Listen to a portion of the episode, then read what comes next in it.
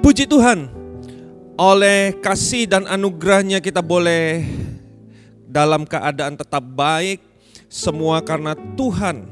Dan kita berserah kepada Tuhan karena tidak ada sesuatu apa pun di dunia ini yang bisa menolong kita melewati masa ini selain daripada Tuhan sendiri. Nah, sebentar lagi kita akan ya kita berdoa bahwa sebentar lagi kita akan segera memasuki ibadah offline, Saudara ya. Uh, pastinya ada sebuah perbedaan sekalipun nanti kita akan kembali datang ke gereja tapi mungkin kita tidak pernah sama lagi seperti sebelum-sebelumnya. Kenapa? Karena ada protokol kesehatan yang harus diberlakukan.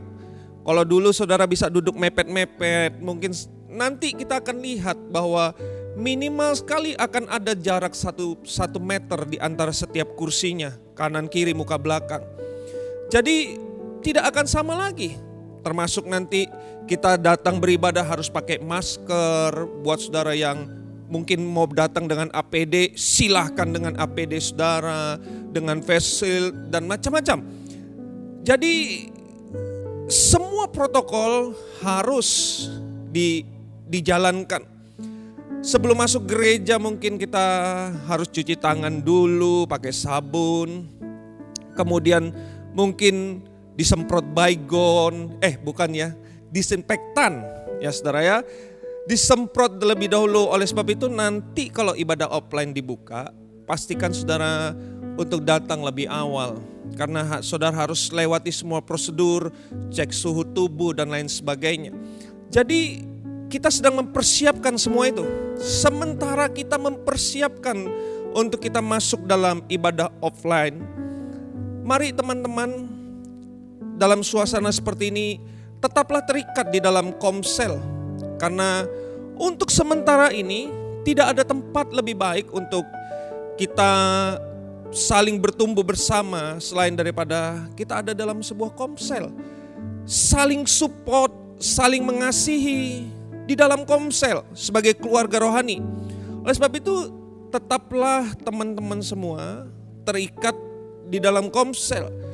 Di masa sekarang ini justru jangan pernah tinggalkan ibadah Sekalipun melalui online, komsel saudara melalui apa pun medianya, baik itu video call, Zoom atau apalah.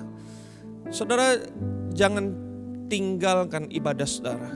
Tetaplah terikat dalam komsel kembali karena kita berharap memang bulan depan kita sudah mulai mengadakan ibadah offline. Tapi siapa yang tahu? Karena grafik yang menunjukkan Palangkaraya terus naik dan setiap hari hampir bukan cuma satu dua tiga orang yang yang naik, tapi jumlahnya cukup banyak, belasan, belasan, setiap hari belasan. Jadi kita berangan-angan bulan depan kita offline, tapi siapa yang tahu? Oleh sebab itu teman-teman tetaplah beribadah di dalam komsel Anda dan tetaplah tertanam di dalam komsel Anda karena mereka adalah keluarga yang memperhatikan saudara. Saling dukung, saling support di dalam komsel. Baik, perlu teman-teman ketahui bahwa ketika nanti kita ibadah offline diberlakukan, ingat ya, ingat, bukan berarti wabah COVID-19 ini sudah berlalu. Bukan berarti begitu, bukan berarti corona sudah tidak ada lagi, bukan. Tapi memang sengaja dibuka karena semua ini seperti dua mata eh, dua sisi mata uang. Yang satu adalah kesehatan, yang satu adalah ekonomi. Nah, mana yang mau di kalau satu ditutup, maka yang satu tidak kelihatan dan artinya mati. Kalau kita lockdown, kita pentingkan kesehatan, jelas ekonomi mati. Tapi kalau kita buka balik maka kita akan mati secara fisik karena corona. Jadi ini sesuatu yang sulit bukan jadi nanti teman-teman kalau kita sudah beribadah melakukan semua aktivitas dengan new normal bukan berarti corona nggak ada. Corona masih ada sampai nanti ditemukan obatnya, vaksinnya. Oleh sebab itu, tetap ikuti protokol kesehatan, tetap jaga kesehatan Anda dengan baik, dan terlebih penting, jagalah kesehatan rohani Anda dibanding fisik Anda. Baik, kita akan melanjutkan pembelajaran kita tentang bulan ini kita berbicara tentang komunikasi. Di mana minggu kemarin kita belajar komunikasi yang dipakai oleh Tuhan Yesus yaitu bahasa kasih, komunikasi dengan kasih. Sehingga Tuhan Yesus bisa diterima oleh banyak orang. Kemarin kita belajar bahwa kasih adalah bahasa universal. Bahasa yang bisa diterima bukan hanya oleh sesama manusia, tetapi juga bisa diterima kepada semua makhluk hidup Sekalipun tentu saja kita perlu tahu bahwa satu-satunya makhluk yang diciptakan Tuhan ada roh cuman manusia yaitu saudara dan saya. Hewan tidak ada rohnya, tumbuhan tidak ada rohnya, tapi mereka hidup. Nah, tetapi tumbuhan saya nggak tahu apakah betul atau tidak, tapi katanya tumbuhan pun bisa bisa diajak bicara. Saya punya seorang tante dan dia punya tanaman banyak bunganya kalau dia tanam bunga bunganya bagus pohon buah buahnya juga banyak lebat bagus manis dan satu waktu saya bertanya sama dia kok bisa ya wah langsung dia dia dia ngomong dia cerita karena saya bertanya seperti itu kok bisa tanam buah tanam bunga, tanam apa aja, subur, menghasilkan. Sementara saya dikasih pohon lombok, banyak lomboknya. Yang dikatakan Pak nanti Bapak nggak perlu beli beli lombok deh, tinggal ambil dari pohon. Tapi waktu sampai di rumah saya nggak pakai lama, satu minggu kemudian pohon itu tiba-tiba mati seperti kena kutuk gitu saudara. Saya, saya bingung kenapa. Dan waktu saya tanya dia bilang, tante saya bilang begini, makanya di pohon itu kalau kalau dia ngomong kalau tante saya mereka saya panggilnya sume. Makanya kalau sume itu lagi nyiram tanaman, lagi kasih pupuk, diajak ngomong. Kalau dia mau layu, eh jangan layu ya. Kamu saya sayangin dan lain sebagainya. Unik sekali. Katanya tiba-tiba tanaman itu bisa bisa subur lagi. Jadi saya nggak tahu kebenarannya, tapi kalau kita merujuk dari sebuah penelitian, mungkin teman-teman nanti bisa set di Google. Sebuah penelitian menunjukkan bahwa katanya kalau ada air, air putih, saudara taruh dua air putih dalam satu gelas, Kemudian saudara bedakan tempatnya. Kemudian saudara datang kepada air putih yang satu, saudara berkata tentang kasih, tentang yang baik, saudara puji itu air putih, kamu air yang sehat, air yang bagus. Seperti kita mengasihi air putih itu, maka katanya akan muncul partikel-partikel air itu menjadi bagus. Indah sekali seperti permata. Tapi kalau kita berkata kepada air putih yang lain di tempat yang lain, kita kata-katain jahat tentang air putih itu, kita kutuk dia. Katanya partikelnya menjadi jelek. Hancur. Kalau merujuk hal itu saya rasa sekalipun mungkin binatang, tumbuhan tidak mengerti bahasa kita. Tapi mereka mengerti dikasihi. Oleh sebab itu kasih penting. Kasih menjadi bahasa universal. Kita perlu bangun komunikasi kita dengan kasih. Kemarin kita belajar, kita sampai di pada 1 Korintus pasal 13 ayat 8. 1 Korintus pasal 13 ayat 8 saya ulang ayat ini. Kasih tidak berkesudahan. Nubuat akan berakhir, bahasa roh akan berhenti, pengetahuan akan lenyap. Amplified Bible berkata begini, love never fail. Kasih tidak pernah gagal. Amin. Saya sangat percaya bahwa kasih tidak pernah gagal. Kalau saya boleh berdiri di tempat ini, hari ini menyaksikan kepada saudara kebenaran firman Tuhan, itu sesuatu yang mustahil buat saya. Tapi kasih Tuhan nggak pernah gagal dalam hidup saya. Kalau teman-teman lihat kemarin Jumat beberapa hari yang lalu, saya diminta oleh Bapak Gembala untuk memberikan kesaksian di ibadah doa malam. Ya, Bapak Gembala bikin program judulnya program itu adalah Tuhan Yesus dahsyat. Di sana saya bersaksi bahwa saya ingat hidup saya dulu sebelum saya kenal Tuhan. Umur usia 14 tahun. Saya sudah tidak lagi sebagai hidup sebagai seperti anak-anak, tapi saya sudah mengenal namanya judi. Setiap malam bahkan saya berjudi. Anak usia 14 tahun SMP. Saya sudah mulai merokok di usia kurang lebih 14 tahun, usia SMP. Kemudian hampir setiap malam keluar masuk diskotik. Diskotik nggak cukup satu, dua tiga diskotik. Pulang setiap malam itu juga kebut-kebutan di jalan. Untungnya saya tidak terlalu tertarik dengan minuman beralkohol. Entah kenapa sekalipun ke diskotik saya minumnya cuma Coca-Cola atau Fanta. Soft drink. Nah saya nggak bisa bayangkan seandainya di usia-usia seperti itu saya juga hobi minum-minum minuman beralkohol.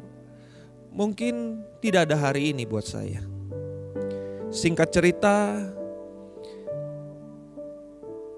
Tuhan panggil saya.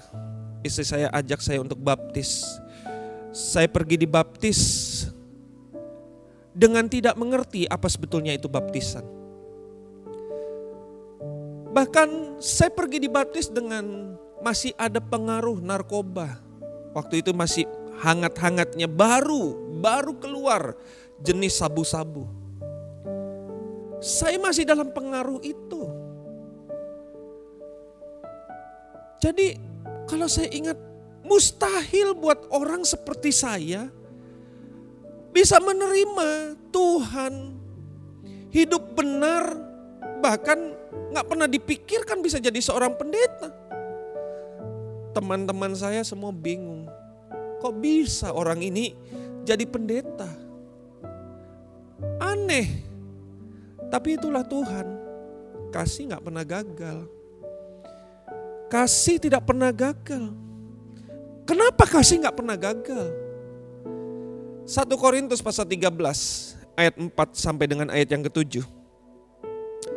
1 Korintus 13 ayat 4 sampai dengan 7 berkata begini.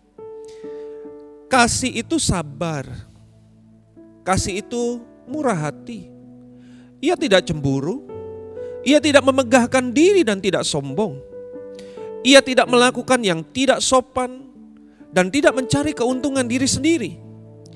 Ia tidak pemarah dan ia dan tidak menyimpan kesalahan orang lain ia tidak bersuka cita karena ketidakadilan, tetapi karena kebenaran, ia menutupi segala sesuatu, percaya segala sesuatu, mengharapkan segala sesuatu, sabar menanggung segala sesuatu.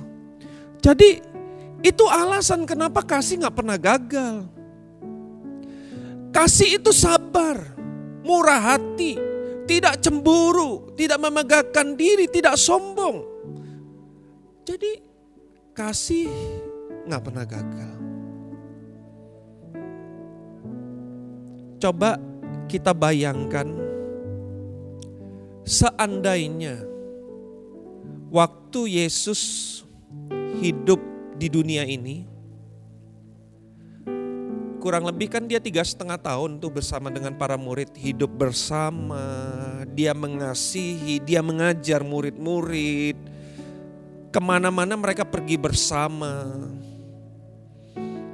tetapi kalau kita baca firman Tuhan waktu Yesus ditangkap di mana para murid bahkan kalau kita baca di antara para murid itu ada yang menyangkal dia, tidak mengakui dia. Saya percaya itu sesuatu yang menyakitkan. Kalau Yesus nggak panjang sabar, kalau dia nggak kasih dalam hidup, oh dia bisa murka dan dia bisa mengutuki semua para muridnya. Kenapa?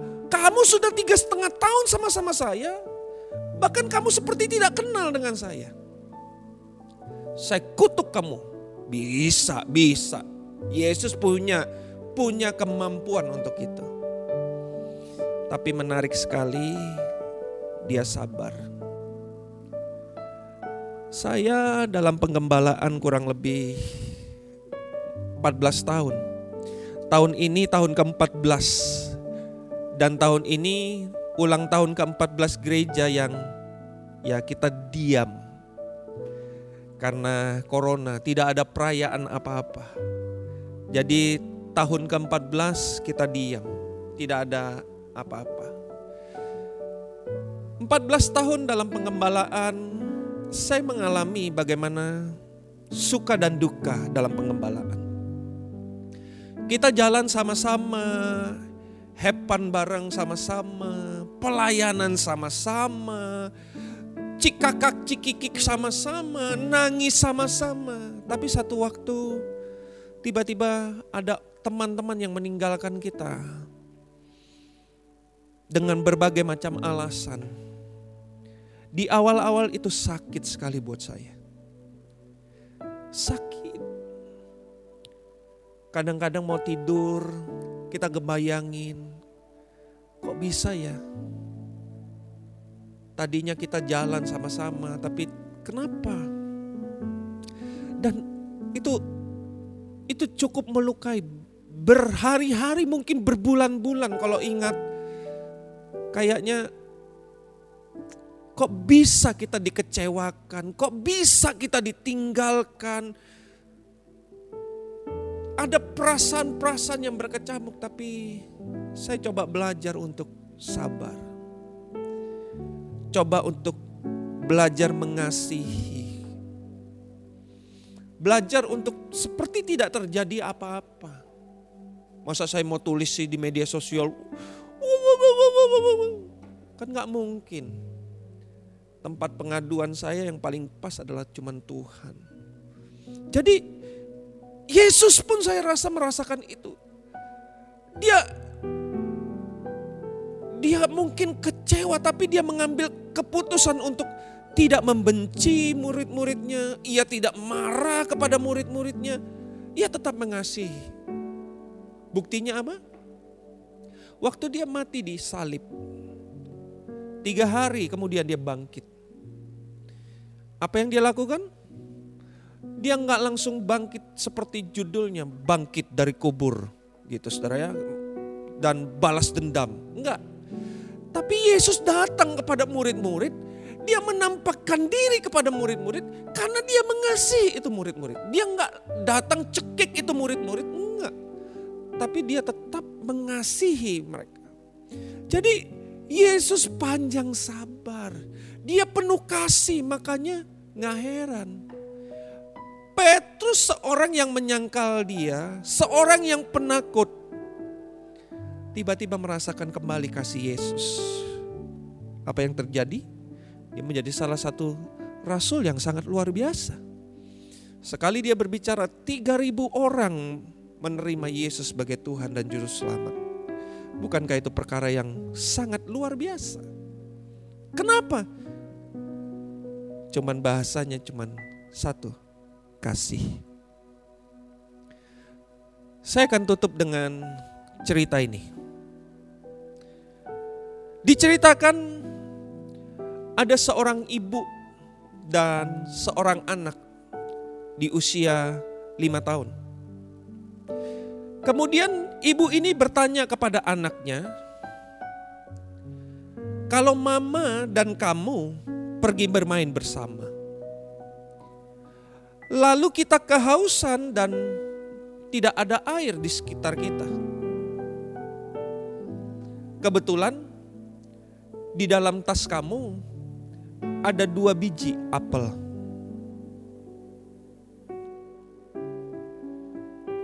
Ibu ini berkata kepada anaknya,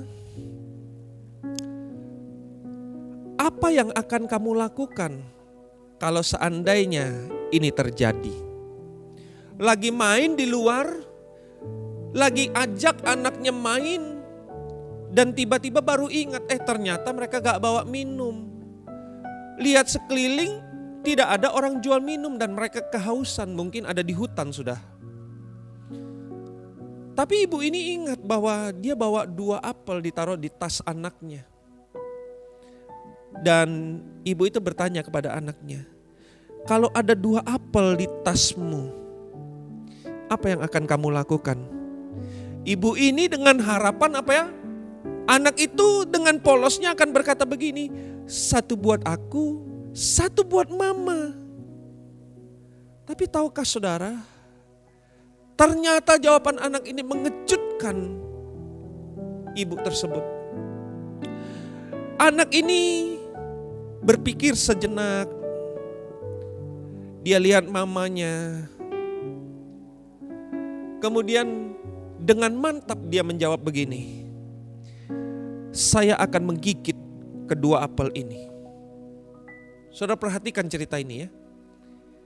Anak ini berkata dengan mamanya dengan mantap, anak usia lima tahun. Dia berkata, saya akan gigit kedua apel ini. Mamanya shock saudara. Dia nggak pernah pikirkan anaknya akan berkata seperti itu. Kenapa? Karena mamanya berharap anak ini mengasihi dia dengan berkata, satu buat mama, satu buat aku. Tapi anak ini tidak lakukan itu. Dia menjawab dengan mantap, saya akan gigit keduanya. Saudara, mama ini kecewa pasti. Mungkin ada perasaan marah kepada anak tersebut. Sudah dibesarin dengan kasih, Kenapa kamu balas seperti itu? Bukankah kebanyakan manusia seperti itu? Ya kan? Kebaikan dibalas dengan kejahatan. Tapi ibu ini coba untuk menenangkan dulu dirinya. Dia mulai berpikir sejenak, dia mulai sabar. Bukan cuma sabar, tapi panjang sabar mungkin dan ibu ini kemudian dengan kasih kepada anaknya dia tanya kepada anaknya. Dia mulai membelai anak itu dan dia berbisik kepada anak itu. Dia bertanya kepada anak itu, "Kenapa kamu lakukan itu? Boleh nggak kamu kasih tahu alasannya kenapa kamu lakukan itu?" kepada ibu. Anak itu berkata dengan polos, "Aku gigit kedua apel ini." Ingat ya ceritanya bukan aku makan kedua apel ini. No, dari tadi saya ngomong gigit. Jadi anak itu berkata, "Aku gigit kedua apel ini." Kenapa? Karena aku cuma ingin memastikan apel mana yang lebih manis yang akan aku berikan buat ibu. Jadi saudara, ternyata alasan anak ini menyentuh sekali hati ibunya. Dia menggigit kedua apel ini bukan ingin menghabiskannya, enggak. Tapi dia cuma memastikan ingin beri yang terbaik buat mamanya. Seringkali kenapa kita gagal dalam berkomunikasi? Kalau mungkin dalam rumah tangga, mungkin kenapa perceraian bisa terjadi? Bukan karena nggak ada cinta, bukan. Tapi mungkin karena komunikasinya salah. Makanya kamu harus bangun komunikasi dengan sabar. Kalau kamu mau ambil keputusan, tunggu dulu. Jangan ambil keputusan di waktu kamu sedang panas hatimu. Karena kalau kamu ambil keputusan di saat panas hatimu, keputusan firman Tuhan berkata begini, dosa sedang mengintip dalam hidup. Jadi bersabar dulu. Kenapa kita bisa pertemanan bisa gagal? Karena komunikasinya mungkin salah dibangun. Sehingga ada amarah, ada iri, mencari keuntungan dan lain sebagainya. Tapi mari teman-teman yang dikasih lewat kebenaran Tuhan malam hari ini. Di luar sana orang-orang perlu merasakan kasih. Kalau saudara nggak pernah bangun komunikasi dengan kasih, orang-orang di luar sana tidak pernah akan merasakan kasih Tuhan dalam hidup mereka. Seperti ibu tadi, jangan buru-buru menghakimi, tapi cobalah bersabar, cobalah lebih mengasihi, biar mereka bisa merasakan kasih yang keluar dari hidup saudara dan saya. Dan saya percaya kasih itu mengubahkan. Tidak ada hari ini buat saya kalau saya tidak pernah merasakan kasih dalam hidup saya. Jadi teman-teman mari siapa pun kita, saya percaya kita pernah dikecewakan. Kita pernah disakiti, Seringkali kita ingin balas kejahatan dengan kejahatan, tapi firman Tuhan gak katakan itu. Firman Tuhan berkata, kalau ada orang jahat sama kamu, ampuni mereka, berdoa buat mereka. Waktu kamu berdoa buat mereka, ada kasih yang keluar, dan kamu bisa tetap mengasihi mereka. Oleh sebab itu, mari KGC Siapa pun Anda yang mendengar, bangun komunikasi dengan kasih. Karena dengan kasih, kamu sedang mengatakan, memberitakan Tuhan kepada lawan bicaramu. Selebihnya biar Tuhan yang menjamah kehidupan orang tersebut. Saya selesai dengan apa yang saya bisa bagikan. Tuhan Yesus memberkati.